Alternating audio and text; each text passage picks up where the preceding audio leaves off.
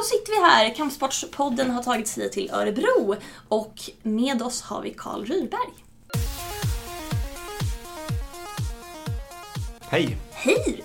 Hur är läget? Bara bra, bara, Bara bra. bra. Kul att ha er här. Ja, ja men superkul att vi fick komma. Eh, du har hållit på med Hema sedan 05, Mm, om jag minns stämmer, rätt. Stämmer. Stämmer. Ehm, och du är både engagerad i din eh, klubb, du tävlar, du har varit tävlings, eller är tävlingsarrangör och Mm. också ordförande. Mm, stämmer. Ehm, hur... eh, Kan du berätta lite om... eh, Du är ju med på många olika platser inom Heman. Hur, hur ser du på sportens framtid, eller Hemans framtid? Finns det någon vision hos dig? Eftersom du är så Ja, engagerad. jag förstår vad du jag. menar. Jo, men jag tycker ju att, att det här med, med svärd och, och fäktning är det roligaste som finns. Så jag tror att det, det finns någonting som, som intresserar väldigt många personer när man väl får testa på det. Så att jag tror ju att vi har en, en utmärkt potential att växa och det ser man ju bara på hur vi, vi får in en tre, fyra nya klubbar eh, om året i, i förbundet och vi växer med 150 personer har vi vuxit med i, i bara i år. Så att det finns ju en, en stor potential. Och jag tror att vi har en, en liksom ur något sorts folkhälsoperspektiv har vi en, en, en demografi som jag tror är väldigt bra. Den här typen av, eh, om man ska prata lite fördomar, folk som är intresserade av, av svärd hamnar rätt i nördkultur och man kanske sitter och spelar mycket dator och sådär och man kanske inte motionerar och tränar så mycket för man kanske inte hittar ett utlopp för det. Och där ser jag att vi har en jätteviktig roll att fylla, att, att få ut de här killarna och tjejerna som mest sitter framför datorn och få ut dem och få röra på sig och faktiskt få, få uppleva det här. Och jag tror att det finns en, en plats att, att växa där, så att jag tror att Tema kommer bara bli större och större. Vad tror du det är inom Hema som då lockar med attraktionskraften? Liksom? Jag tror att ge... Du kan ju gå från själv Ja, eller men- vad andra säger. Eller så, men När, folk, alltså barn, sätt ett svärd i hand på ett barn, eller alla börjar fäkta för att det finns någonting rätt och det är så himla kul att, att göra det. Och det blir den här liksom fighting-grejen men lite säkrare. Det är inte så att man börjar puckla på varandra i ansiktet utan- utan det blir som att slåss men lite säkrare. Eh, och, och alla har, verkar ha den här grejen att får du någonting i handen när du är sju eller åtta då vill du börja fäkta. Sen är det väl vissa som kanske trycker bort det där när de blir äldre men, men i grund och botten så är det någonting väldigt ursprungligt som gör att, att alla tycker att det är kul. Nästan alla i alla fall tycker att det är roligt att fäkta. Tävla eller inte har ju inte alltid varit så säkert inom Hema. Hur, hur, hur, hur har tankarna gått kring det där? Alltså, ja, om man tänker sig nu, HEMA är ju alltså att återskapa manuskript som ofta handlar om juridiska dueller eller olika typer av dueller. Och en sån duell kan man bara tänka sig vad, vad, vilken press man skulle vara under i en sån situation. Och om man vill förstå ett manuskript som bygger på vad människor gör under väldigt pressade situationer så måste man för att kunna bli en, en utövare på en högre nivå, enligt mig i alla fall, försöka att hitta sätt där man pressar sig själv mentalt för att uppleva den här den kemiska reaktionen i kroppen och så vidare. Så att, och tävling är ett sätt att göra det på. Jag tycker inte att det är det enda sättet, men jag säger alltid till mina elever ni måste inte tävla, ni kan komma hit och motionera och göra det som en, en, en motionsidrott en gång i veckan eller varannan vecka, det är jättekul. Men vill ni bli fäktare så tycker jag att man måste ha provat det ett par gånger bara för att liksom ha, ha utsatt sig för situationen.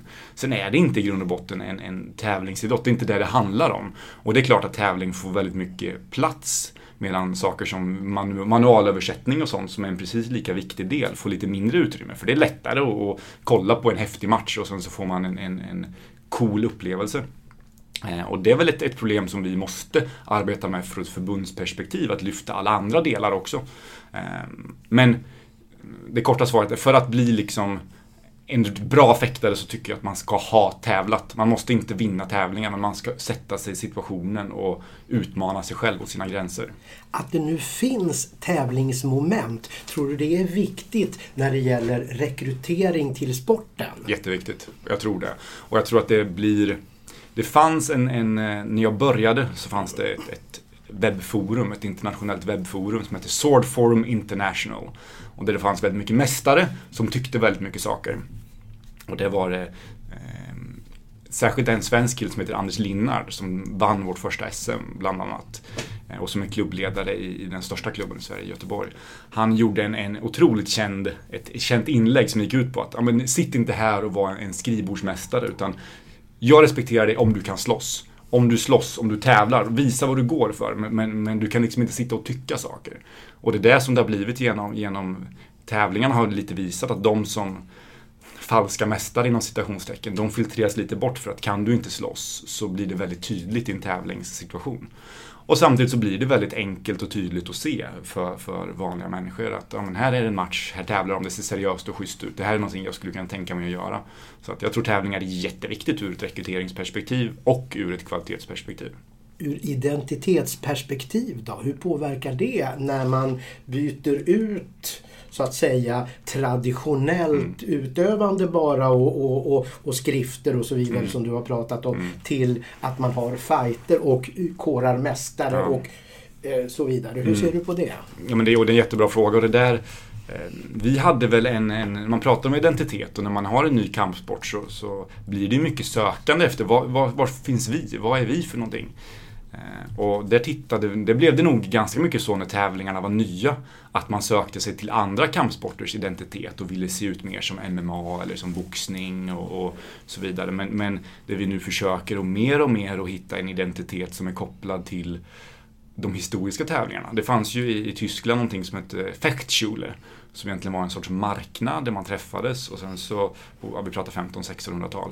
Eh, och man brottades och man kanske sköt pilbåge och man red i kapp och, och då var det också fäkttävlingar då, kanske till högsta blödande sår och, och där man fick en, ja men man hade liksom trubbiga svärd och så slog man lite så, tills någon blödde. Eh, men tanken var ju inte att någon skulle dö utan det var en, en sport. Man fick inte slå på händer och så vidare. Eh, och den typen av, av tävlingar hade ju en identitet och, och, och, ritualer runt omkring sig. Och man kan se lite att, att det finns ett, ett, ett, sökande efter att, att få ett, ett tävlingsformat som kanske behåller vissa av de traditionella delarna utan att för den sakens skull bli någon sorts reenactment eller ett live. Så det är väl en, en balansgång där man hela tiden försöker att hitta professionalism och samtidigt en egen identitet. Hur, um hur, hur, ser det ut på, liksom, i världen, Heman? Mm. Jag tänkte att om, om det ser annorlunda ut eh, beroende på vilka som driver, ja. alltså om det är mer identiteten mot sport eller mer den historiska mm. vinkeln. Finns det, finns det motsättningar där eller går det lite parallellt? Det, det finns jättemånga olika scener. Mm. Ehm, och vi har väl en, en scen som man kan kalla för den, den eh, den nordiska scenen, men den är egentligen med, av olika anledningar, Nederländerna, Skottland och de nordiska länderna har liksom en egen, en egen scen. Vi har samma regler, mycket utbyte, eh, och det är mycket... Typ av samarbete då? Ja, liksom? ett informella samarbete. Nu har vi precis här i vår verksamhetsplan för nästa år i förbundsstyrelsen eh, tagit med att vi ska fortsätta jobba med det och hitta sätt att kanske ha liksom, officiella möten och sånt för att fortsätta att fördjupa det samarbetet. Mm. Men, men det är mest att det, man har lite samma syn på både tävlingar och träning och, och allting runt omkring. Eh, sen finns det alltså en scen i Italien som är helt annorlunda än våran och där man har ett, ett annat sätt att se på saker och ting. Eh, Ryssland har en, en otroligt annorlunda scen för de har eh, någonting som de nu försöker att, säga hemma, man kan diskutera om det är det eller inte, men där de egentligen fightas med historiska vapen utan att titta så mycket på källor. De tävlar med historiska vapen. Eh, och eftersom vi använder tävling som ett, ett utlopp för våra manualstudier medan de då skulle bara slåss med historiska vapen så, så blir det liksom inte riktigt tema. Men man ser ändå att nu, det var ju en rysk kille som kom tvåa på våran stora tävling Swordfish. Mm. Han har ju aldrig öppnat en, en bok. Eh, och, det, nej, och det, han är öppen med det, att det är inte, han är inte intresserad av manualstudier utan han vill slåss med svärd. Det är hans uttryck. Eh, så han gör ju inte HEMA, fast han kommer då tvåa i världens största HEMA-tävling. Ja. För att, att röra vid någon med ett svärd i en tävling, det är inte samma sak som att faktiskt försöka göra det utifrån historiska tekniker. Eh, och det är intressant.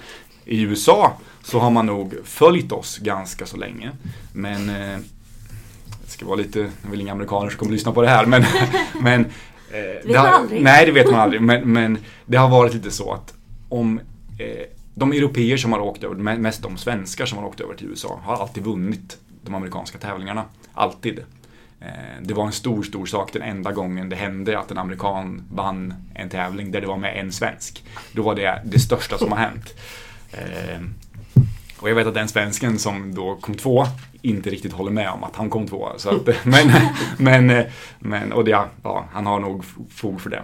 Så, men, men i och med det så har de då dragit sig lite bort från tävlandet för att då, de tycker de att det har blivit för sportifierat. Lite okay. för är, min upplevelse är att det är lite för att det inte har gått så bra. Och då försöker man lägga in mer och mer saker för att man ändå ska kunna vara bäst på det som man definierade som. För att det är klart, alla vill vara duktiga. Så de håller ju på att definiera om hemma hos sig som att det var mycket mer saker. Och man ska testhugga skarpt och man ska ha rustning och alltså det är mycket mer saker. Så att det finns en hel mängd olika scener som drar åt väldigt olika håll. Mm. Hur, eh, jag tänker där på Rys, Ryssland, eller ryssen som kom tvåa. Hur, hur känns det att, att någon som inte kanske har det här historiska perspektivet i, i sitt idrottande, ja. hur, hur, bra. hur känns det? Bra. Eh, det är en bra utmaning. Det är, bra, det är någonting för oss att hantera. För det är klart att man skulle kunna börja prata om, om stilregler och så vidare. Men den diskussionen är liksom, den finns inte. Utan det vi pratar om, okej, okay, så gör han. Hur kan vi hantera det inom ramen för de historiska manuskripten? Och det blir en, en, en träningsmotivator. Så, så mm, nej, jag, jag tycker det är helt okej. Okay för dig som jobbar på förbundsnivå då så, så, så är det en utmaning att kunna se ett internationellt temaförbund därför att då finns det mycket bakgrundsarbete att göra med, med tanke på vad du beskrev om Italien, Ryssland, USA mm. och så vidare. Mm. Hur, hur, hur, ser du det framgent eh, när det gäller att, att få till ett internationellt mästerskap som ja. skulle kunna inrymma stora delar av världen? Det skulle vara en... Det finns ett, ett embryo till ett internationellt förbund som vi gick med i, i december. Så då var vi nere i Aten, jag och en, en tjej till från vår förbundsstyrelse. Och vi, vår upplevelse var väl eh, att det fanns väldigt mycket att göra. För att i Sverige, vi har en, en solid eh, föreningskultur, vi har eh, SBOK som vi är med i och som vi lär oss av. Och man märker att vi har kommit som förbund och som idrott i Sverige kommit långt. Medan om man jämför oss med, med Slovenien eller Portugal så är det en, en lång resa att gå. Och det kan man väl inse att det kommer vara en stor, stor utmaning att få till ett internationellt förbund som kan både bejaka den, de olika nationella särarterna och låta det vara så att det ska liksom inte bli det här är HEMA OS-grenen. Det är inte min vision i alla fall. Utan det ska fortsätta att vara studier av historiska manualer och det ska vara fortsatt brett. Men samtidigt så måste man kanske hjälpa varandra och, och höja kvaliteten. Min uppfattning nu är att de nationella förbunden är vart man måste börja. Det måste finnas starka nationella förbund så att man faktiskt kan träffas och diskutera på internationell nivå sen. Och där är vi, Nederländerna, Polen, några länder till som har liksom stabila, riktiga nationella förbund. Men, men de flesta har inte det och då blir ett internationellt förbund lite tomt. Skulle man i det här läget kunna säga att för dig är det så att det är viktigt att det finns matcher men kanske inte lika viktigt att man vinner sina matcher. Nej, och så är det. Och det nu har inte jag tävlat på ett tag. Jag ska åka till Frankrike om tio dagar och gå min första match på tre år. Eh, så det ska bli kul. Spännande. Jätteroligt. Eh, men, men det, man, det man vill ha är de stora matcherna. Oftast i en, en turnering i och med att man har ett sånt där vanligt man har ett gruppspel och så ska man, då är det sidat och så möter man fäktare som man då borde vinna och så ska man komma vidare. Och sen från kvartsfinal kanske, ungefär, då har man de stora matcherna. Då har man de som, som är riktigt, riktigt bra. Och en sån match, och man vinner eller förlorar, det är ju en, en stor upplevelse oavsett vad. För man får jobba med, med sin teknik. Och sen som medaljer och sånt, det är bara för egot. Det är ju faktiskt det om man ska vara, vara krass. Det, det, spelar ingen roll och det finns ju liksom inga vinstpengar eller så. så att man vill ju uppleva de stora matcherna. Sen vill man vinna dem för sin egen skull, men kanske mest för att, ja, för fåfängans skull. Så att absolut, bra matcher är vad man vill ha eh, mot, mot bra fäktare. Men, men man måste inte vinna dem. Vi pratade lite på vägen hit om eh, thaiboxning och dess status i Thailand just därför att man noterar ju att svenska tjejer spöar ju thailändskor på löpande band på mm. något sätt. Och då, då, då, då, då, tänker man så här att det kanske är något liknande när det gäller thaiboxning i Thailand. Att det är det är något mer än bara en sport man Mm. tävlar i. Mm. Kan, kan, det, kan det vara så och kan det så att säga vara så att folk på sikt kanske vill ha något mer än bara tävlingsmomentet, nämligen ett historiskt perspektiv och så. Tror du att den kombon skulle på sikt kunna vara ett vinnande koncept? Mm. Jag tror det. Jag började ju, nu när jag slutade att tävla i Hema, så började jag ju träna thaiboxning. Och jag är intresserad av det som, som eh, idrott och jag har gått två matcher nu ganska nyligen och sådär. Och, och tycker att det är en fascinerande idrott just för att jag tycker att den har mycket beröringspunkter, precis som du säger, med så som jag ser Hema. Att, att thaiboxning i Thailand är inte bara en tävlingsform. Det är en tävlingsform. Och det är en av de, de mest effektiva, liksom, som inte har grappling, en av de mest effektiva kampsporterna. Men den, den har en viktig samhällsfunktion, den är en kultur, den har de här danserna och det är mokongen och det är hela grejen som, som, som eh, jag tycker är fascinerande och som jag tycker är den, den kampkonsten som jag tycker Hema har mest att titta på för att eh, ja, det är en bra, en bra liknelse.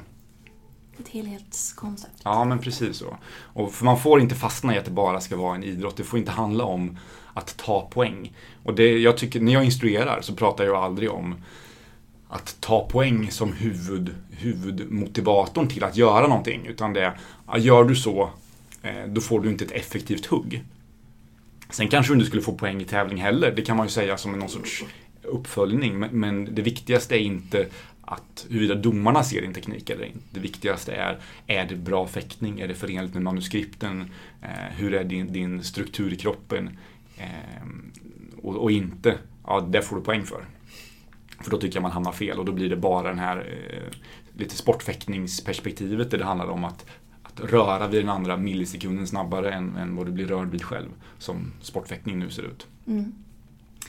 Jag måste ju gå tillbaka här nu till att du nämnde att det blir snart din första match på tre år. Mm. Ehm, jag tänker lite, i början eh, så pratade vi lite om hur, eh, hur du tycker att man ska åtminstone testa att gå match för att liksom eh, verkligen förstå kanske fäktningen. Och Mm. så här. Hur, eh, vil- vilka känslor är det man har innan man går in i match eller är under en match som du tror är värdefulla för att få ett, ja, för att få en bra överblick av vad Hema är? Men det är klart att det är en sak på träning med dina kompisar och du testar dina tekniker och så vidare. Det är ändå en ganska så säker miljö. Det är en trygg och fin och, och, och borde vara i alla fall. Du ska ju inte känna dig otrygg på träning för då tycker jag att det finns något problem med din klubb. Ehm, det är klart att sparring kan, är, är, och sparring är väl alltid vilken kampsport man än gör. Det finns en press i sparring, det är någon som försöker att träffa dig och du vill träffa den. Men, men någonstans så blir det ju ännu mer om det är en helt okänd person som du ställer dig, ställs inför, för, framför. Du har ingen aning om vad det här är för person, du vet inte hur den personen fäktar. Och ändå så ska du säkerställa att den personens svärd ska inte röra vid dig, men du ska röra vid den personen med ditt svärd. Ehm, och det är klart att det blir en, en press bara första gången när man gör det, så är ju det en, en, en jätteobekväm situation. Sen ju fler gånger man gör det, då börjar man ju lägga på sin egen press att ja, men jag ska dessutom komma längre. Och då, så att då blir det pressen en annan, men den finns ju fortfarande där att jag måste vinna den här matchen. Och nu, första gången så ska du kanske bara överleva inom citationstecken. Eh, men ju längre du håller på så blir det ju mer och mer, nej men den här matchen ska jag vinna med, med 10-0 för det är viktigt för mig för att jag ska få en bra plats i elimineringsträdet. Och får jag inte en bra plats i elimineringsträdet så får jag en svår match för tidigt och då kanske jag inte vinner för att jag, ja, det blir ett, ett helt, ett stort spel. Men den pressen är ju nyttig och det är, ju- det är viktigt att utmana sig själv för, som människa liksom, att, att, Mm. att sätta sig i sådana här obekväma situationer och växa med den uppgiften. Ja, apropå växa då. Mm. eh, ursäkta. Det regelverket som, som hela tiden utvecklas. Mm. Hur, hur fungerar det i praktiken? Förutom att man då försöker titta tillbaks i gamla dokument. Hur, hur kommer ni överens om att så här, det, här, det här kan nog utveckla liksom, Hema framåt? Det här kan vara ett bra koncept att lägga till. Och det där, är, det där har varit ett, ett virrvarr där alla har fått någon sorts vision om att ah, men så här borde man göra. För den, det här regelsystemet är dåligt så vi gör så här istället. Och så har man testat ett regelsystem som jag inte tycker har varit genomarbetat eller särskilt förståndigt tänkt. Som tur är så har man gått ifrån det mer och mer för nu finns det Vi har ett regelsystem som kallas för det nordiska regelsystemet. Som bygger på, alla regelsystem blir eh, att man får, man får vissa, vissa vinster och vissa förluster. Och vi har ett regelsystem som har ganska tydliga vinster och väldigt tydliga eh, förluster också. Och då får man hela tiden utvärdera och tänka hur kan vi hantera den här? I vårt, det som är problemet med det systemet vi har nu är att eh, det spelar ingen roll om du träffar först eller om du träffar efter. Så länge som du träffar inom... Om jag blir slagen i huvudet så har jag en, ett hugg på mig att slå tillbaka. Och våra träffar är värda lika mycket. Vilket innebär att om jag ser att någon siktar på min arm så kan jag låta den träffen träffa och gå på, på huvudet. Och då kommer jag få en bättre poäng. Och det är klart att om någon siktade på min hand med ett skarpt svärd så skulle jag inte bara äta den träffen för, för jag skulle inte ha någon hand. Eh, om ni förstår, men det blir väldigt, med, med vassa vapen så blir det väldigt, det blir väldigt tydlig pedagogik. Att jag kan inte äta den här träffen. Men, men eh, i vårt regelsystem så kan man det och det blir ett problem i att, att vissa ja, sokar som man säger. Alltså du tar en träff för att ge en träff. Och det är väl helt legitimt i boxning men det är ju inte helt legitimt med svärd. Det är faktiskt inte det. Du kan inte soka ett hugg för att det är ett skarpt vapen. Men om du har regelsystem där det handlar om att träffa först så kommer du alltid få någon som slänger sig in på ett lågt mål och blottar hela huvudet för att träffa det låga målet först. Och det blir den andra avvägningen. Och hela tiden så håller man på att laborera och hitta en balans mellan att skydda sina djupa mål eh, och gå på sin motståndares djupa mål. Samtidigt som du ska göra en plattform för att göra bra fäktning. Och det är ju en, en, en svår process. Men nu har vi i, i några olika, det finns ett regelsystem som de andra i Polen, eh, som de tycker är bra. Det finns ett regelsystem i Ryssland. Eh, det finns ett i USA och sen så har vi det här nordiska. Det är väl de som är liksom mest dominanta nu. Och sen skruvar man lite utifrån vad var det som var problem där. Eh, ja, nu på, på Swordfish nu senast så testar man ett, en sorts bonussystem för rena träffar. Där du träffar utan att bli träffad. Effekten blev då att plötsligt så började alla göra enhandstekniker. Och då blev fäktningen sämre för att en, en ren enhandsteknik var bättre än en smutsig inom citationstecken tvåhandsteknik. Och då blir det fel, då får man fel fäktning. Så då får man liksom, ah, okej, okay, det tänkte vi kanske lite fel.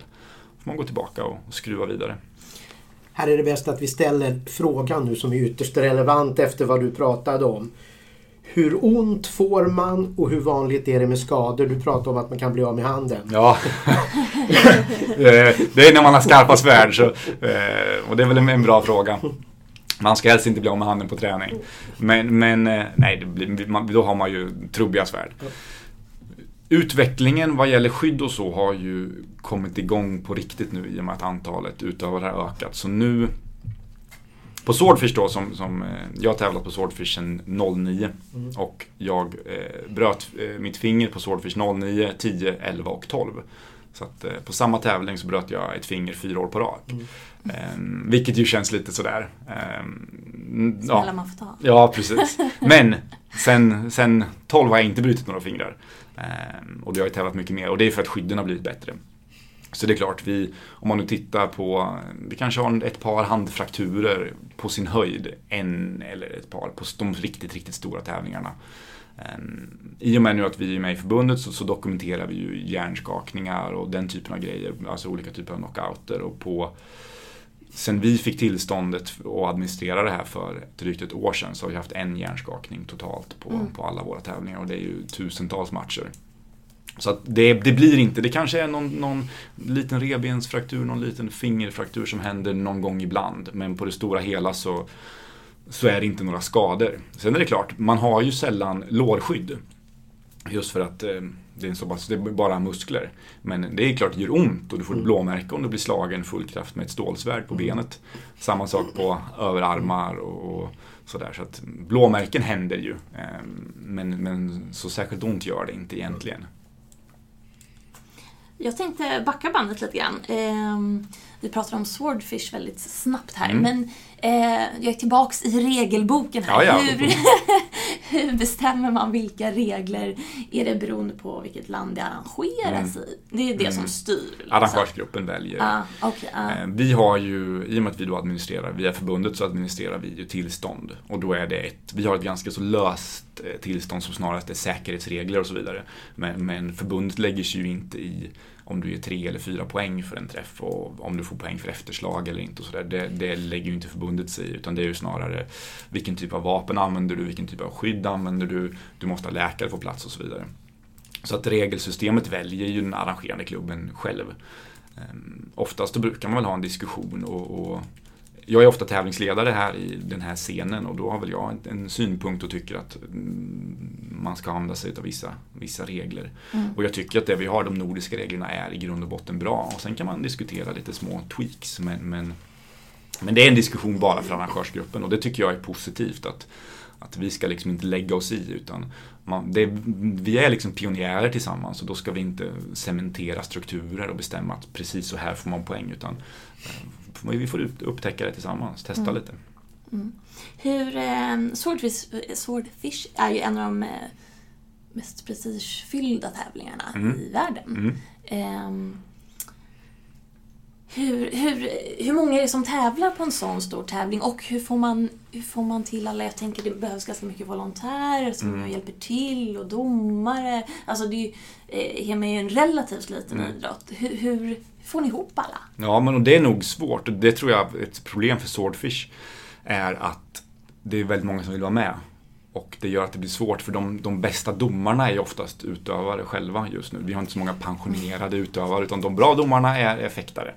fäktare. Men oftast gör man så att man erbjuder en schysst, eh, schysst domarrabatt eh, på, på din deltagaravgift. Så att om du är med i långsvärdet så kan du döma rapir och dolken och tvärtom. Så att man försöker att motivera så att det ska vara ekonomiskt försvarbart. Men på en sån tävling som Swordfish så är det väl ingen som vill bränna massa energi på att stå och döma om de nu samtidigt vill satsa på att vinna tävlingen. Ja, och då är det måste ju vara lite knepigt. Ja, det är svårt. Eh, många gör det och ställer upp för att, eh, särskilt i Sverige, så är vi väldigt stolta över. Det är ju eh, Göteborgs historiska fäktskolas event, men, men, vi är ju alla eh, försöker hjälpas åt för det är en jätteviktig plattform för hela svensk HEMA. Eh, men många vill ju bara vara i den här miljön också, tycker att det är kul att döma. Det finns ett gäng sådana som åker runt på tävlingar och, och, och dömer. Men, men ja, det, det, är svårt att säkra, säkra um, kvaliteten. Långsvärd och dolk, det, det, det hajar man ju mm. automatiskt. Så att mm. säga. Men rapir är ju inte säkert att alla vet vad det är. Nej, man kan säga att, att rapir är en ganska lång musketörvärja. Det är väl en, en, enkel förklaring. Sen ser fäktningen inte så mycket ut som musketörfäktning egentligen för att rapiren blir ganska så det är ett långt vapen, den är nästan lika lång som ett långsvärd, ibland längre än ett långsvärd, men du har den i en hand. Vilket innebär då att fäktningen egentligen blir ganska så eh, långsam fram tills du har en öppning och då blir den snabb. Men det är inte den här ja, men Errol Flynn-fäktningen som man kanske tänker sig, utan det är ju mer, eh, mer stötbaserad fäktning. Är de lika populära alla de där tre eller är Nej. det långsvärd som är, är, är, det som mest förekommer? Långsvärd är ju det, det, det, stora vapnet. Sen kan man se, och det är en lite intressant sak. Eh, jag hade en, en vän från Ryssland över här i, i december och vi pratade ganska mycket. Och i, i, Ryssland är ju rapir och rapir och dolk då, som oftast används tillsammans. Att du har rapir i en hand och dolk i den andra. Eh, det, det är väldigt stort och de tränar det systematiskt och strukturerat och, och Eh, ordentligt. I Sverige så är det så att de flesta klubbarna är primärt långsvärdsklubbar och sen har de en rapirgrupp också. Vilket jag tycker är lite synd. Jag hade velat se fler rapirklubbar för att eh, om man nu tittar på, på, vi har några riktigt duktiga rapirfäktare och svärd och bucklafäktare i Sverige. Absolut super, super duktiga eh, killar och tjejer. Men det är ju långsvärd som vi är, där är vi bäst i världen på långsvärd, absolut.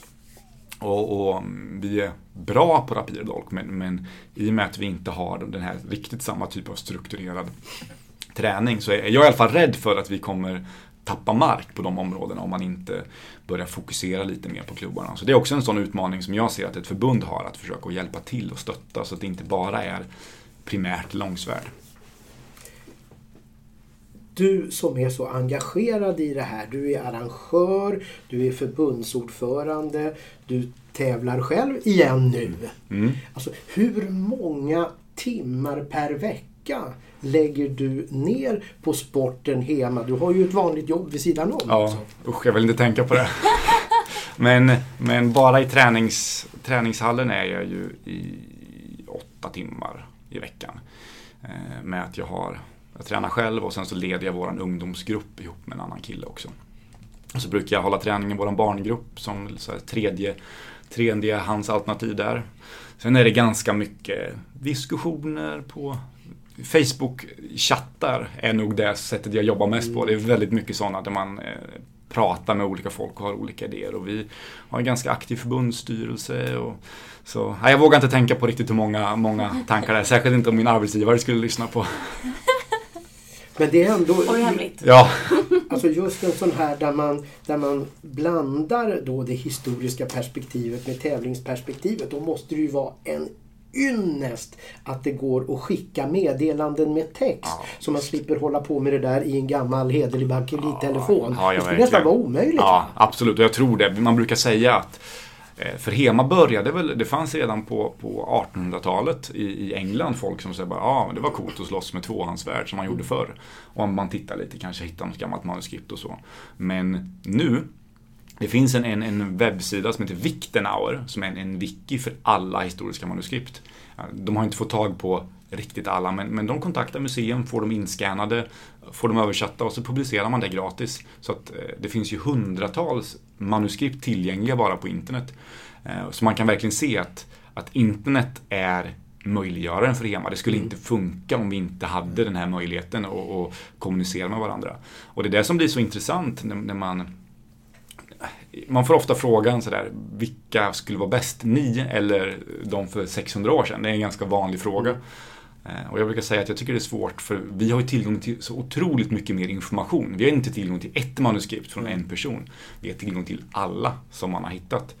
Eh, men vi kommer ju aldrig göra det på dödligt allvar. Vi kommer ju aldrig gå en skarp duell med ett vasst svärd. Så att det finns säkert insikter som vi aldrig kommer kunna få för vi finns inte i den historiska kontexten.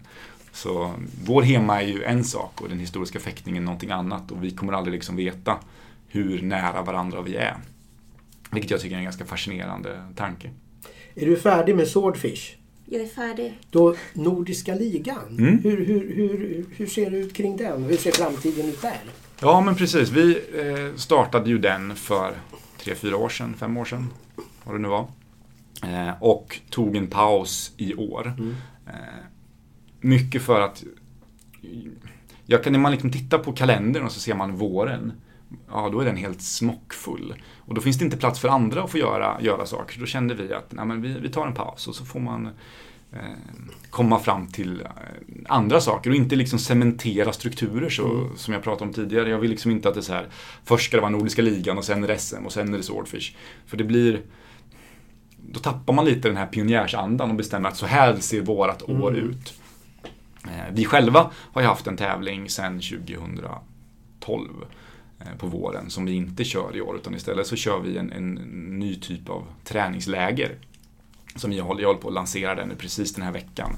Där vi har bjudit in i vår sena, massa olika instruktörer som får komma och köra en, en halvtimmes klinik eh, Och sen kommer instruktörerna för att träna med varandra och massa annat folk också. Men eh, liksom ett nytt träningsformat som syftar just till att träna. Nordiska ligan har varit jättebra. Den har varit superviktig för våran, våran scen för att liksom etablera vad en bra hematävling är. Och jag tror att den kommer komma tillbaka nästa år. Det är känslan. Mm, Vi, vi hade ett möte på en finsk karaokebar här för ett par veckor sedan. Wow. Eh, Det här låter bra. Ja, och då var vi sugna i alla fall. Men, men, eh, men eh, ja, vi får se. Det, det finns en stor risk för att den kommer att komma tillbaka nästa år på något sätt. Ett obehagligt ämne men ändå säkert intressant för många att få en, en, inblick i. Det är ju hur man finansierar en sån här verksamhet med tävlingar, Mm. träningar och så vidare. Hur, hur- ser det ut? Varifrån kommer det intäkter till att börja med? Och det, är, och det är en jättebra fråga. Från deltagarna, från utövarna. Eh, vi har ganska så, eh, om man nu jämför med, ja men att gå en, jag har gått två C-klass Muay Thai-matcher och det kostar en hundring eller 150 spänn att gå match. Vi kanske tar 700 spänn eller 800 spänn. Swordfish är ännu dyrare.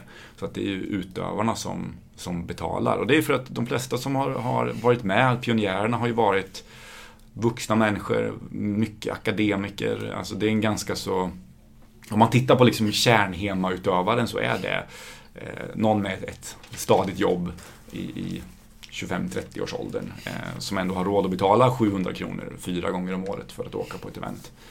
Men jag tänker mycket på att man skulle vilja hitta sätt att få in pengar från folk som kommer att titta på det istället. Så jag har en idé som, som jag liksom tänker lite på hur man ska kunna skruva till. För egentligen så vill man ju inte att det är utövarna. Jag vill inte att Dennis Ljungqvist, som ju är rankad etta i världen eh, och nu nominerad både som årets traditionella utövare och årets mästare. Precis. Eh, jag vill inte att han ska betala pengar för att, för att göra det som han har liksom tillägnat sitt liv till. Men då måste man ju hitta externa. Mm. Eh, och det där är, ja. Det, man måste ju tänka på hur kan man göra det till en publiksport också. Men samtidigt behålla kärnan i idrotten och inte kompromissa med det som, eh, som det handlar om. Jag tänker, jag, jag har ju jag är ju ofta sur på bristen av stimulans kring när man skulle lära sig saker i skolan. Mm. Och då tänker jag så här att eh, när, när, man, när man kommer till, till eh, förr i tiden-ämnen som handlar om historia då, då, så skulle ju ni kunna med hjälp av era utövare antingen i skolor eller i olika andra sammanhang visa upp Mm. hur man tävlade på, på i- förr i tiden och berätta lite om det och kanske möjligen få några inkomster Mm. av, av det. Har ni, har ni tänkt i sådana banor? Imorgon så ska jag till IT-gymnasiet Mm. och eh, köra fäktning i, i två, två, två Ja, timmars ja. sessions på deras friluftsdag. Jag var förra veckan och hade Eh, ett, ett pass med några autistiska killar på ett, ett annat gymnasium och liksom körde det som en, en grej. Eh, Och vi har en annan högstadieskola inbokad om ett par veckor. Så vi försöker att göra det som klubb i alla fall. Eh, mest för, det blir lite rekryteringsperspektiv och sådär. Eh, för vi tar inte så mycket, mycket betalt för det. Utan det är snarare så att vi vill ut och, och visa. Och lite jag tänker på det här folkhälsoperspektivet som jag pratade om. Att Mm. det, det, man vill komma ut. Vi skulle kört på en, en lågstadieskola här om ett par veckor. Men det hade de kommit fram till att de inte ville ha vapen. Eller någonting som helst påminner om vapen i skolan. Så då, och då är det klart, det får man väl ha respekt för. Även om inte vi ser på det som vapen så, så eh, är väl det kanske någonting som kan stänga vissa dörrar i alla fall. Men, men jag tror också det att, precis som du säger, lite att, att levandegöra historia. Att det Ja. finns ett sätt i, när man pratar om historieundervisning som tyvärr är lite för mycket kungar och för lite Mm. vanligt Ja. folk. Eh, och det är väl det som man är intresserad av egentligen. Hur lagade man mat? Hur, hur klädde man sig? Hur levde man förr i tiden? Det, är egentligen, det borde vara mycket mer relevant för oss som vanliga människor än vem som var kung. För det, Ja, Ja, lite och, mer hur samhället såg ut. Precis. och, och, och mycket, alltså många ser ju fäktscener kanske mest då av annat slag Ja. fäktning. Men, men en, en del, eh, för, för lite lierat med Hema är ju ändå Ivanhoe. Ja, ja, absolut. absolut. Och, och då är ju grejen den att det ser de ju. Mm. Men har ingen aning om vad Alltså hur mycket har de varit tvungna att tävla Ja. för, att, eh, för att kunna utöva det här? Hur, Mm. hur, hur, vad, Ja. vad ligger bakom Precis, det där? vad finns den Ja. historiska kontexten? Vad, vad är det för situation? Precis. Och vad, ledde till det här? Det finns så himla mycket intressanta sådana historier. Och, eh, fan, jag brukar alltid berätta, men det är så himla fascinerande. I, I Tyskland så fick man till exempel inte stöta. Men du fick inte använda stöten mot andra tyskar. För det var för farligt. Mm. Utan du skulle hugga dem. För att ett hugg, det blir inte lika livshotande. Då kan du fortfarande besegra någon utan att de dör. Och så behöver man liksom inte döda alla, alla skickliga krigare i ett land. Eh, Så du får stöta fransmän men inte tyskar. Eh, Och som självförsvar, ja men det är jättefascinerande. Som självförsvar så fick du i vissa stadsstater, då var du först tvungen att slå till med flatsidan av svärdet. Mm. Som första led i självförsvar. Sen fick man använda hugget och sen stöta som tredjehandsalternativ. Och det finns mycket sådana berättelser som, som man gärna skulle vilja sprida för att liksom öka förståelsen för. För våld är ju ändå väldigt integrerat i en kultur. Det är en viktig del av en kultur. Våld är en viktig del av våran kultur nu med. Eh, Det kanske inte alltid är en positiv del av en kultur. I vissa delar så är det det, i andra delar så är det inte det. Men det är i alla fall en viktig del som man måste förstå. Hur löste man konflikter? Eh, Hur tränade man sig för att lösa konflikter? Hur etablerade man maktstrukturer? Eftersom makt i grund och botten också bottnar i våld.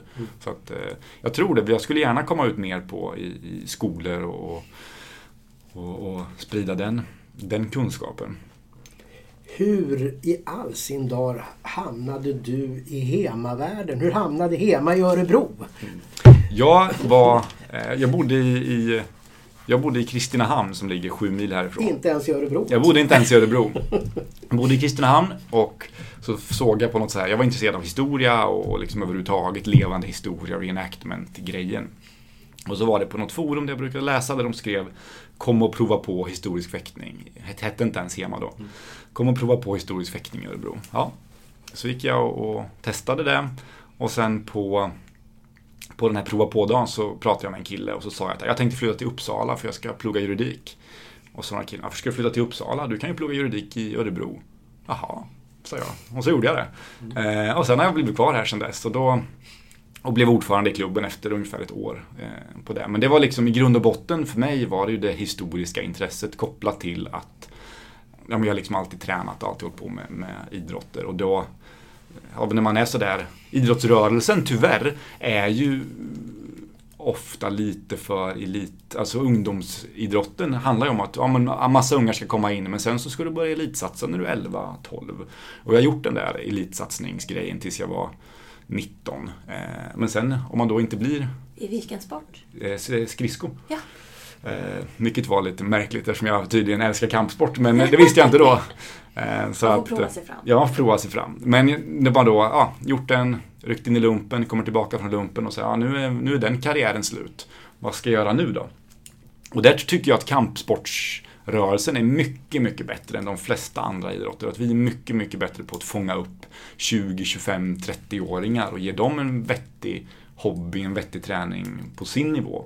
För det, jag tror att många andra idrotter skulle kolla på hur, hur kampsport-Sverige ser ut och liksom mer verka för, för att alla ska röra på sig. Berätta hur det var vid ditt första träningstillfälle där, mm. hur, hur, hur det var på träningen och hur det kändes. Men, eh, jag kom till den här och jag hade väl inte riktigt en aning om vad jag skulle förvänta mig men pang på superseriös eh, jättebra tränare. Han är fortfarande tränare i våran, eh, våran klubb nu. Eh, Ola. Eh, superseriöst upplägg och, och, jag hade något svärd som jag hade jag hade fått av min fru, jättefint svärd, men det var ju två kilo för tungt tror jag. Jag var helt slut i armarna efter det här passet, verkligen. Men eh, när jag åkte hem sen och körde den här bilen eh, sju mil från Kristinehamn så jag kommer så himla väl ihåg när jag, jag passerade någon liten sjö och så låg isen över sjön och så gick solen ner och så tänkte jag när jag satt i den här bilen, herregud. Nu, idag ändrades mitt liv. Idag hittade jag vad jag ska göra för, med resten av mitt liv. Eh, det var märkligt att ha den känslan och sen så har det ju blivit verkligen så för att ja, sen dess är det vad jag har gjort. Eh, det, Stora känslor? Ja, det var stort men, men eh, det var och det är kanske därför som jag är så himla passionerad för det också. För att för mig har det varit en så väldigt definierande upplevelse. Jag har verkligen hittat hem. Och man hör den historien väldigt ofta när man frågar eh, kring sådana här saker. Att det är väldigt många som haft precis den upplevelsen. Första gången de kom på en träning så insåg de att varför började jag inte med det här när jag var fem? För det här är ju det roligaste som finns. Och det är ju häftigt. Med tanke på hur mycket tid du lägger ner på den här sporten hemma vid sidan om ditt arbete. Hur glad är din fru över att du fick det där svärdet? ja, hon är nog rätt så... Jag har en väldigt förstående och, och, och klok fru och vi har väldigt bra dialog kring, kring sådana här saker. Så att hon, hon tycker att det är okej. Okay. Hon tycker att det var skönt att jag inte har tävlat men då började jag ju tävla i Muay Thai istället. Eh, så jag tror att hon har förståelse för att, att jag har någon energi jag måste få utlopp för, för att annars så blir jag lite stingslig och rastlös. Och det, det tycker hon är okej. Okay, men, men eh, ja, hon är förstående och väldigt, en, väldigt, en god fru. En god fru. Mm. Eh, apropå fru, eh, hur, hur ser det ut med kvinnliga deltagare? Eh, både då tänker tränings, eh, träningshallen men också mm. på tävlingar och så. Mm. Är det, vi, vi har ju lite kollat på medlemsstatistik och det finns ju en viss differens. Mm. Vad tänker ni? Eh, har ni någon plan för att eh, attrahera fler kvinnliga deltagare? Mm. Vi, vi hade faktiskt ganska så långt möte om det senast i söndags. Ah. Vi pratade om Eh, vi, vi fastställde på styrelsemötet en, en handlingsplan för, för eh, mångfald och jag kommer inte ihåg vad den hette, mångfald och rekrytering eller någonting sånt. Mm. Eh, som just handlar om de frågorna. För att samtidigt som, som jag ur ett folkhälsoperspektiv, eh, jag återkommer till det, så finns det en, en, det finns en grupp mycket killar, alltså nördiga killar som spelar dator. De behöver göra hema. Det är, liksom, det är en, en ganska så stark övertygelse jag har. För de behöver komma ut och röra på sig och det här är verkligen en kampsport som passar dem bra. Men vi vill ju samtidigt att eh, Hema ska spegla samhället och vi vill få in fler tjejer. Och det är särskilt eh, den, den, det problemet är att ja, vi, vi rekryterar inte lika mycket tjejer och vi pratar mycket om det. Men borde man göra liksom, riktade marknadsföringskampanjer och så vidare. Och det, det kommer säkert bli någonting liknande sånt under året från, från förbundets håll. Eh, samtidigt så ligger ju mycket, vi pratar just om den skillnaden mellan aktivt mångfaldsarbete och eh, liksom passivt inkluderingsarbete. Och det jag tror att de flesta hemmaklubbar är väldigt bra på att jobba på inkludering. Att om man väl kommer dit så, så känner man sig välkommen och man, man blir sedd och, och, det anpassas utifrån ens förutsättningar oavsett nu om man är eh, HBTQ eller tjej eller om man nu har en annan etnisk bakgrund eller så, så är HEMA som miljö inkluderande. Det, det är min absoluta övertygelse att det är. Jag vet att, att det är den upplevelsen som finns på min klubb när, när, jag liksom, när vi pratar om de här frågorna, vilket vi gör. Men, men det är klart att vi har en utmaning i att, för det måste finnas representation för att man ska känna sig välkomnad också. Eh, och vi försöker ju lägga lite fokus när vi har nybörjardriver, att man ser till så att de tjejerna som finns i klubben finns där och är på träningarna och, och faktiskt visar att men det finns ett ganska så, en, en, en ganska stor grupp eh, tjejer ändå. Eh, men, men det finns saker att göra där och man ser att klubbar har kommit olika långt och det kan man bara, bara se på den hårda statistiken att, att det, det är en, en skillnad på olika klubbar. På tävlingsscenen där så det är ännu knöligare. Av någon anledning så, så, är det så att tjejer kommer, kör två år stenhårt, blir jätteduktiga.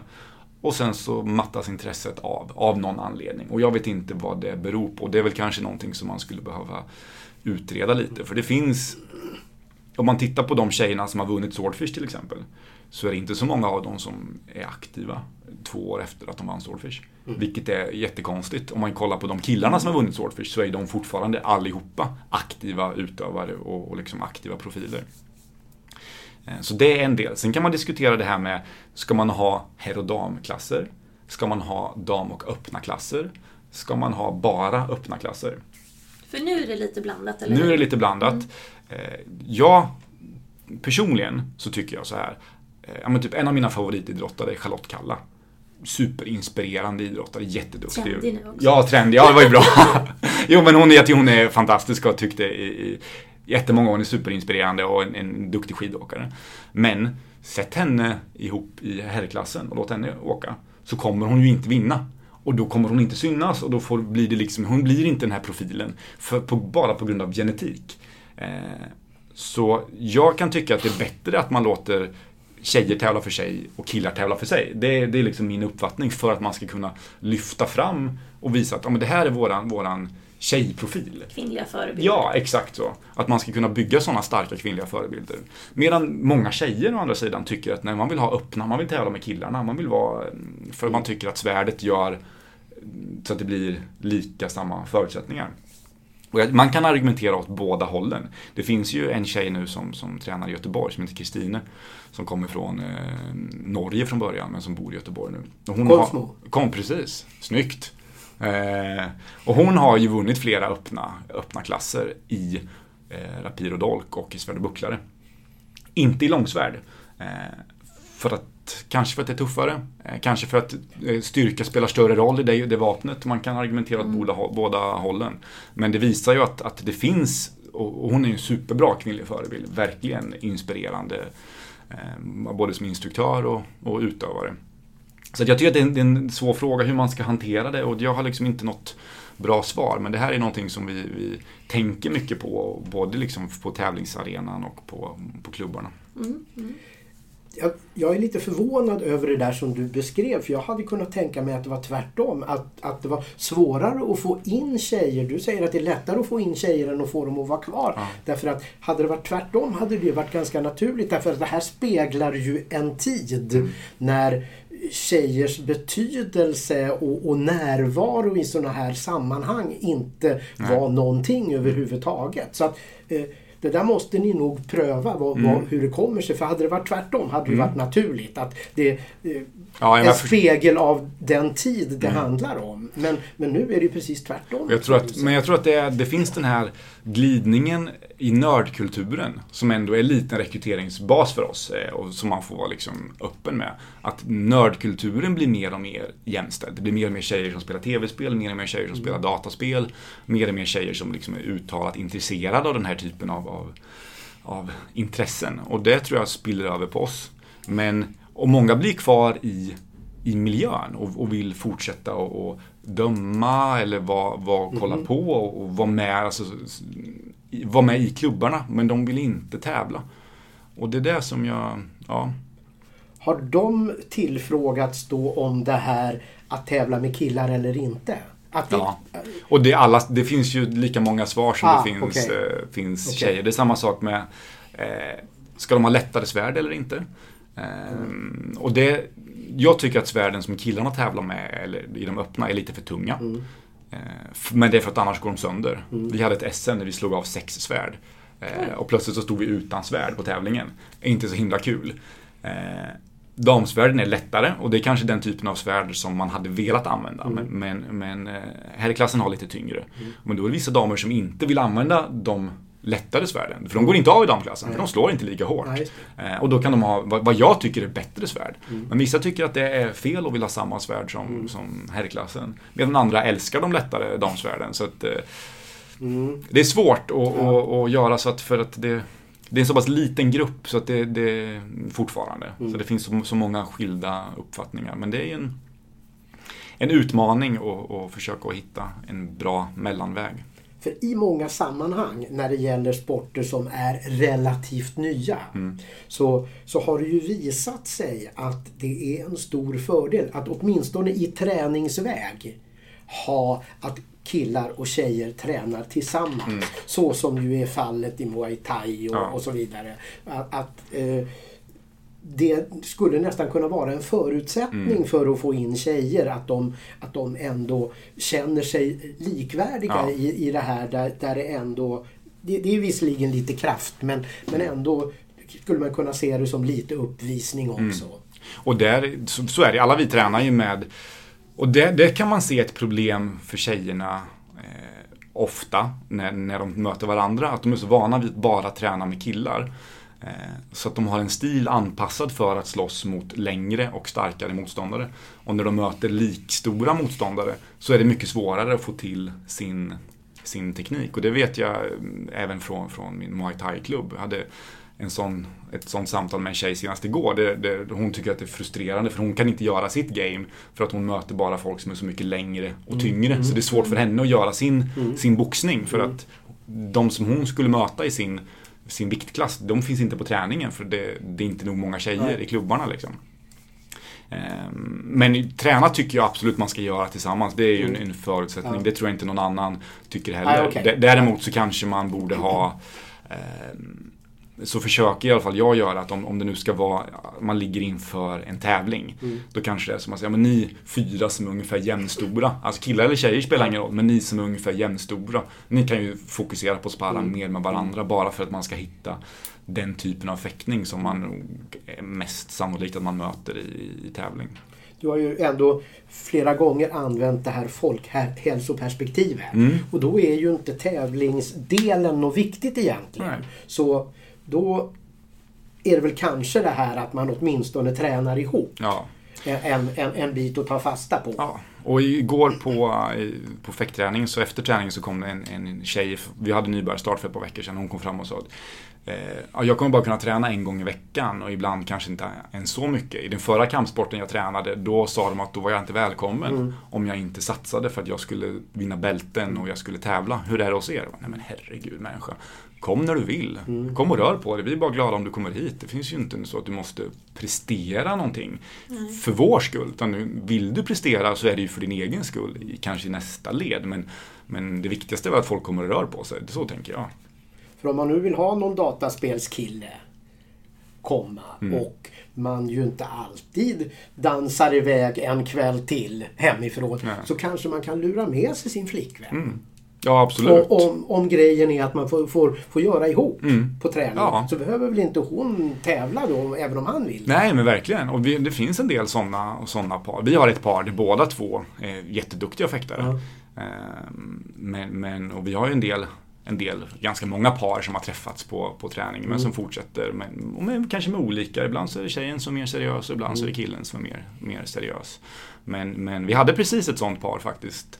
Eh, nu har båda två eh, lite träningsuppehåll men som började just för att ja, men det var en grej de kunde göra för att hon tränar så mycket och då följde han med för att eh, då sågs de ett par kvällar till i veckan. Och det är schysst, jag tycker det är bra. Ja. Och, det, det, är ju, det är ju en fördel som många av de sporter som finns inom Bud och kampsportförbundet har Mm. gentemot många andra. I, i, I fotboll är det ju inte att tänka på. Nej. Annat än Nej. möjligen vid något enstaka tillfälle. Och hockey precis. är det ju ännu värre. De har inte ens samma regler. Nej, exakt. Ja, exakt. Eh, och, ja, men, eh, så bollsporter, det går ju jättebra. Mm. Ja, verkligen. Om, om, du, om du vill ha med dig liksom, din sambo. Ja, verkligen. Och, Ja men det är, en, det är en bra, och det kanske man skulle kunna göra någon, någon, Någon drive Ja, av, alltså ja. liksom parfäktning Ja. eller ja, Eller hur? ja Nytt. varför inte? Får dyka Ja. ner i historiska papperna. Ja, precis. det, det, och den här eh, och, och, och, och liksom något av det här att, att, att hitta eh, det historiska sammanhanget Mm. och, och, och just att, att det finns en annan grej och det är ni ju ganska ensamma om. jä- Jämfört med de flesta andra Mm. sporter. Jo, att man sant. bryr sig om ett historiskt perspektiv. Ja. Jo men det, så tänker jag också, det är våran unique selling point, är det historiska och att du får ha svärd. Ja. Det, det, är, det är det vi har för, för brott. Dock inte när du går på gatan hur som helst. Nej, nej. Det, det, det är ingenting man kommer över knivlagen. Nej, precis. Då får man åka till... Jag är fäktare. Ja, man, ja, jag hade en sån i min glada ungdom när jag bodde i Kristinehamn så, så hittade jag något fält som jag tränade med någon kompis och skulle visa honom lite vad jag hade lärt mig på min prova på. Eh, och sen kom polisen dit och, och stannade och kom ut. Och, och vi släppte svärden och försökte se oskyldiga ut men de kom fram och så bara, eh, grabbar ni vet att det är rättspsyk där borta i det där huset va? De, de har blivit lite uppjagade här eh, så ni kanske ska bara gå runt hörnet i alla fall. Men, men hur, hur är det med det där apropå... Eh, alltså jag menar det finns ju en knivlag Mm. som säger att det är förbjudet att använda kniv på Allmän plats. allmän plats. Ja. Hur är det då med dolk när man är på väg till träning? Om- Ja, eh, och det kan man väl säga eh, efter det här som hände i, i Trollhättan, som inte Mm. hade något med Ja, HEMA att göra. Men, men det ändrade lite den allmänna, Bilden, ja. ja, att folk blev lite mer skraja för svärd. Mm. Vi hade en, konstig förlur, vi hade en, en schweizisk gäst här som tränade med oss en vecka. Och han kom från en lite annan mm, klimat. Han eh, gav sig ut och joggade med svärdet i ena handen. Han sprang genom centrala Mm. Örebro med, med ett svärd i handen. Han blev, ja, dag tre så, så fick polisen tag på honom och sa Vet du hur många som har ringt polisen kring dig? Eh, så Nej men bilen. Ja, precis. Men, men vi brukar väl säga att man, man täcker in svärdet. Man kanske tar ett lakan eller någonting. Det finns ju massa bra väskor och sådär. Men nej, man ska ju inte gå runt med det. Sen, sen blir det ju, alltså jag har ju alltid ett svärd i, i bilen. Mm. Eh, som liksom ligger i bilen och bilen räknas ju. Men det är ju precis som att ha ett baseballträ om du spelar baseball. Mm. Men det, det är ju ingenting man går på, på krogen med eller på stan med. Utan man får tänka lite på att frakta det smart. Ja, liksom. ja, just det. Precis. För att då, då kan det ju ändå finnas en rimlig förklaring till att Ja. man har med sig något Ja. man inte borde. Nej, och det, så är det då. mm, Polisen har ju ingenting att invända om du nu är på väg till träning, är på väg från träning och de är ju inte vassa. Så att de är ju lika farliga som ett baseballträ. Eh, om du nu inte har ett skarpt svärd för soloträning så är det ju inte, det är ju inte mer vapen än, än ett färgkors egentligen. Hur ser då ditt medlemskort ut? Mitt medlemskort. Om du har något. Ja, jag har samma som alla SBOK-utövare. Ja, okej. Ja, det. Så det står ingenting om vapen på det till Nej, exempel? nej.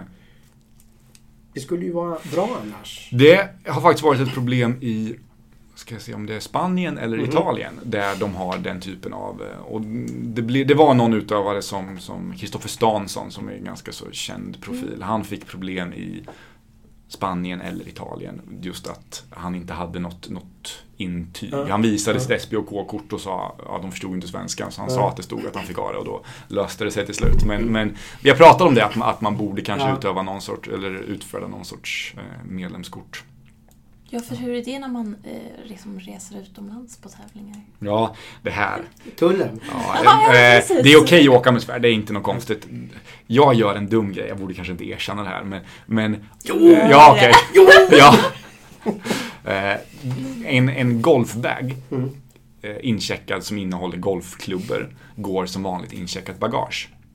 Vilket innebär att om du säger att, att om du har en, vilket jag har, min, min svärdsväska som jag åker internationellt med är det står golf gear på den och det är liksom en golfväska. Om du då säger att det är golfklubbor i den, då kostar det ingenting extra. Eh, om du säger att det är svärd i den så kanske du får betala extra. Så jag brukar alltid säga att det är golfgrejer. Jag hade någon väldigt jobbig situation i, i amerikanska tullen när jag först sa att det var golfgrejer, sen bad de mig öppna väskan. Eh, och det var kanske lite dumt. Det är bra att vara ekonomisk. Ja, precis. Ja, för att spara den 500 men, men det är liksom inget konstigt att flyga med svärd. Det gör man ju hela tiden. Det är ju alldeles utmärkt. Så bara inte i handbagaget då. Nej, den kan vi ha. Ja, men det är väl okej. Det känns skönt, Känns inte som känns att det är- skönt att höra. Ja. Botten är nog lite fel Ja. också. Ja. ja, precis. Ja. Ja, nej men jag vet inte. Kenneth, har du något mer? Som du är Har, jag nyfiken är ju, på? har ju många frågor som jag skulle vilja ställa och det, det handlar ju just om det här, alltså framtiden Mm. i det internationella perspektivet. Med eh, Italien har sin sport.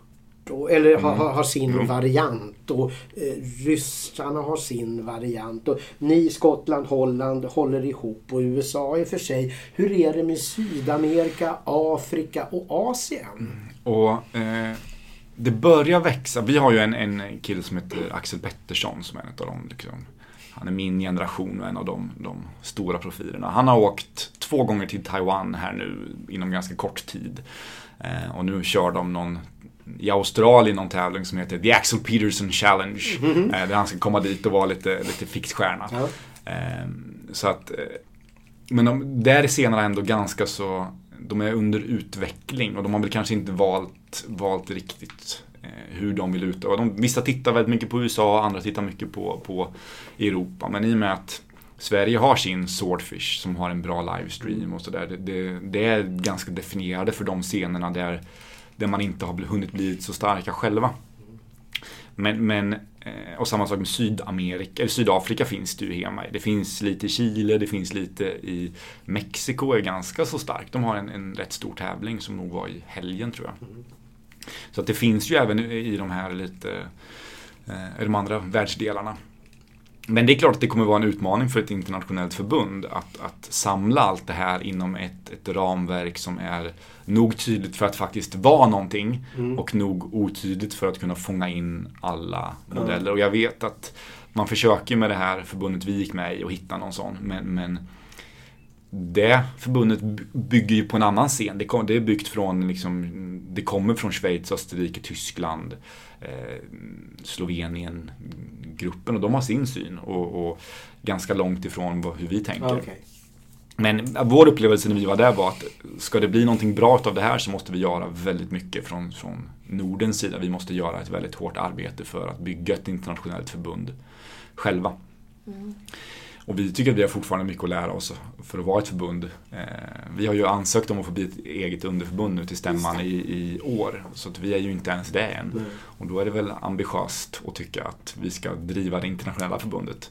Men man får skynda långsamt också tänker jag. Min, min bild är alltid sådär, har du en idé, ja men gör den på liten skala och sen så nästa gång om den funkar då gör du den på större skala. Och så tänker jag med förbundsarbete också. Vi, vi bygger ett starkt internationellt, eller nationellt förbund.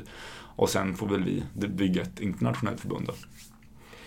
Finns det, finns det något egentligt behov av ett internationellt samlande förbund? Med, med tanke på hur det ser ut. Mm. Alltså att, att, att gå ifrån den väg man har slagit in på för att få med flera. För det, det där är ju ändå ett dilemma. Ja, jätte, jättebra fråga. I eh, Nederländerna till exempel så är det så att för att kunna bli en, en officiellt erkänd idrott så måste du vara med i ett internationellt förbund. Mhm. Så att där, och det tycker jag ju är att man vill ha liksom, eh, man, vad heter det? Eh, vagnen före hästen, liksom. att man, man tar det i fel ordning. Ja. Eh, men så ser det ut i, i Nederländerna, det är liksom ett krav för att du ska kunna få bli en officiellt erkänd idrott. Eh, och därför finns det väl ett, ett behov av någon sorts någon sorts eh, samlande förbund för vissa länder. Men man pratar ju, det finns något som heter Sport Accord som är väl någon sorts eh, internationell, och där försöker man ju få med vårt internationella förbund. Samtidigt som då Belgien eh, på det senaste mötet då drev att nej, men de vill inte vara med i Sport Accord för de vill vara med som ett världsarv på Unescos lista. De vill inte ens se sig själva som en idrott. Och bara där, att vissa tycker att det inte ens är en idrott, det är klart att man kommer att ha väldigt svårt mm. att få ett bra internationellt förbund. Det, det, så är det ju. Mm.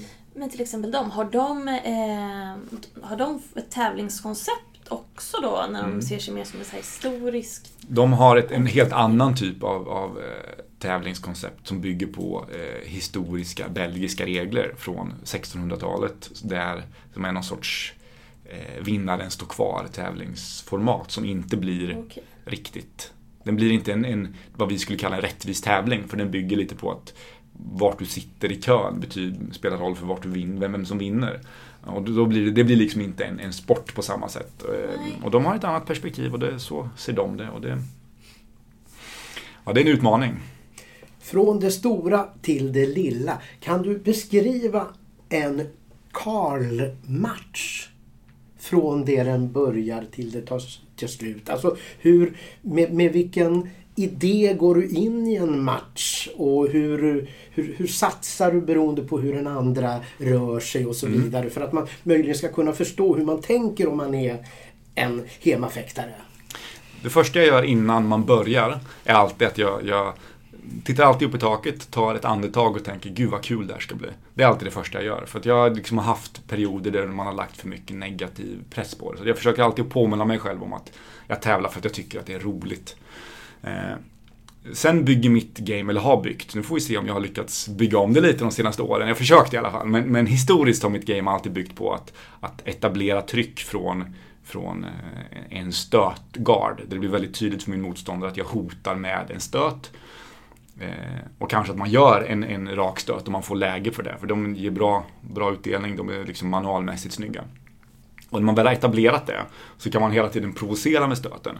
Och om man får en reaktion på den så kan man gå på, jag försöker undvika att visa med händerna, eh, gå på andra sidan. Så att det är ganska mycket mitt, mitt game. Ta dominans eh, och föra matchen. Trycka väldigt mycket med ett, en, en, ett stöthot och gå på de säkra öppningarna där jag tror att jag inte kommer bli träffad själv. Jag försöker inte ta så mycket chansningar utan utifrån ett väldigt tryck Eh, där jag liksom är den som styr matchen på, på mattan.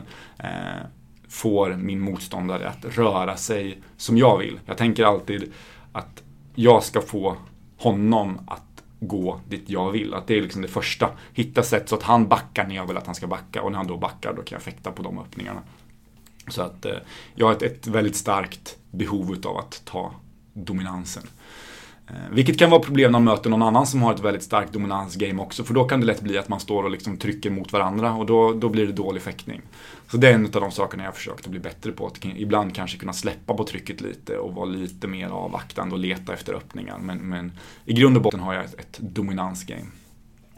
Om du hamnar i, i, i något underläge, fortsätter du bara i, i den stil du har tänkt från början eller, eller är du beredd att ändra din plan? Ja, men jag försöker att vara, vara eh, flexibel och, och, um, och, det brukar nog eh, funka. Jag hade en, en situation här nu, när absolut senaste tävlingen gick så fick jag i min första match möta en jätteduktig ryss som kom från ingenstans. Jag är van vid att vara första sid och man ska ha ganska lätta poolmatcher och så kom det upp en, en jätte, jätteduktig rysk kille som verkligen förvånade mig för att han, han hade sån väldigt tryck. Han var stor och stark och snabb.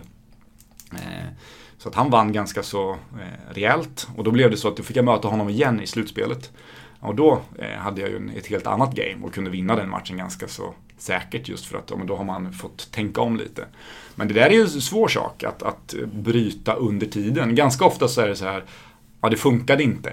Jag gör det igen fast hårdare. Mm. Då har du tappat två poäng. Men det är en väldigt vanlig mental grej som man måste tänka. För om någonting inte funkar en gång, ja, då ska du göra någonting annat. Eh, men, men eh, det är en utmaning. Och det är svårt att få, att ha ett brett game alltså fäktning, du kan göra så himla mycket saker. Otroligt mycket saker.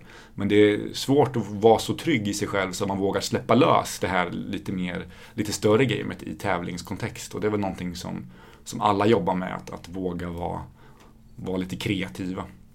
Stor och stark och snabb sa du. Mm. Snabb fattar man ju att det är en stor fördel. Men de andra två, stor och stark, Mm. vilken betydelse har det när det gäller hemafäktning? Eh, jag skulle säga att det har, beror väldigt mycket på olika vapen. Men om man nu utgår från långsvärd som är min, min gren.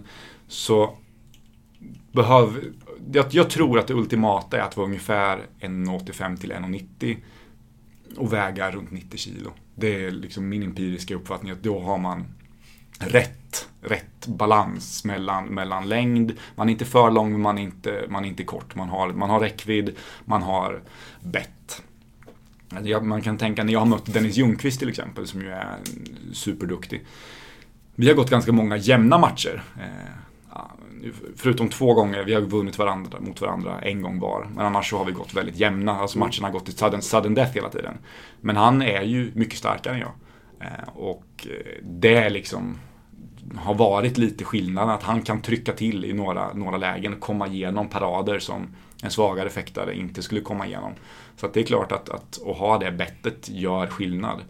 Eh, Men man, man säger att the sword is the equalizer. Alltså svärden jämnar ut spelfältet och det gör den till en viss mått. Jag har ju en elev som heter Jesper.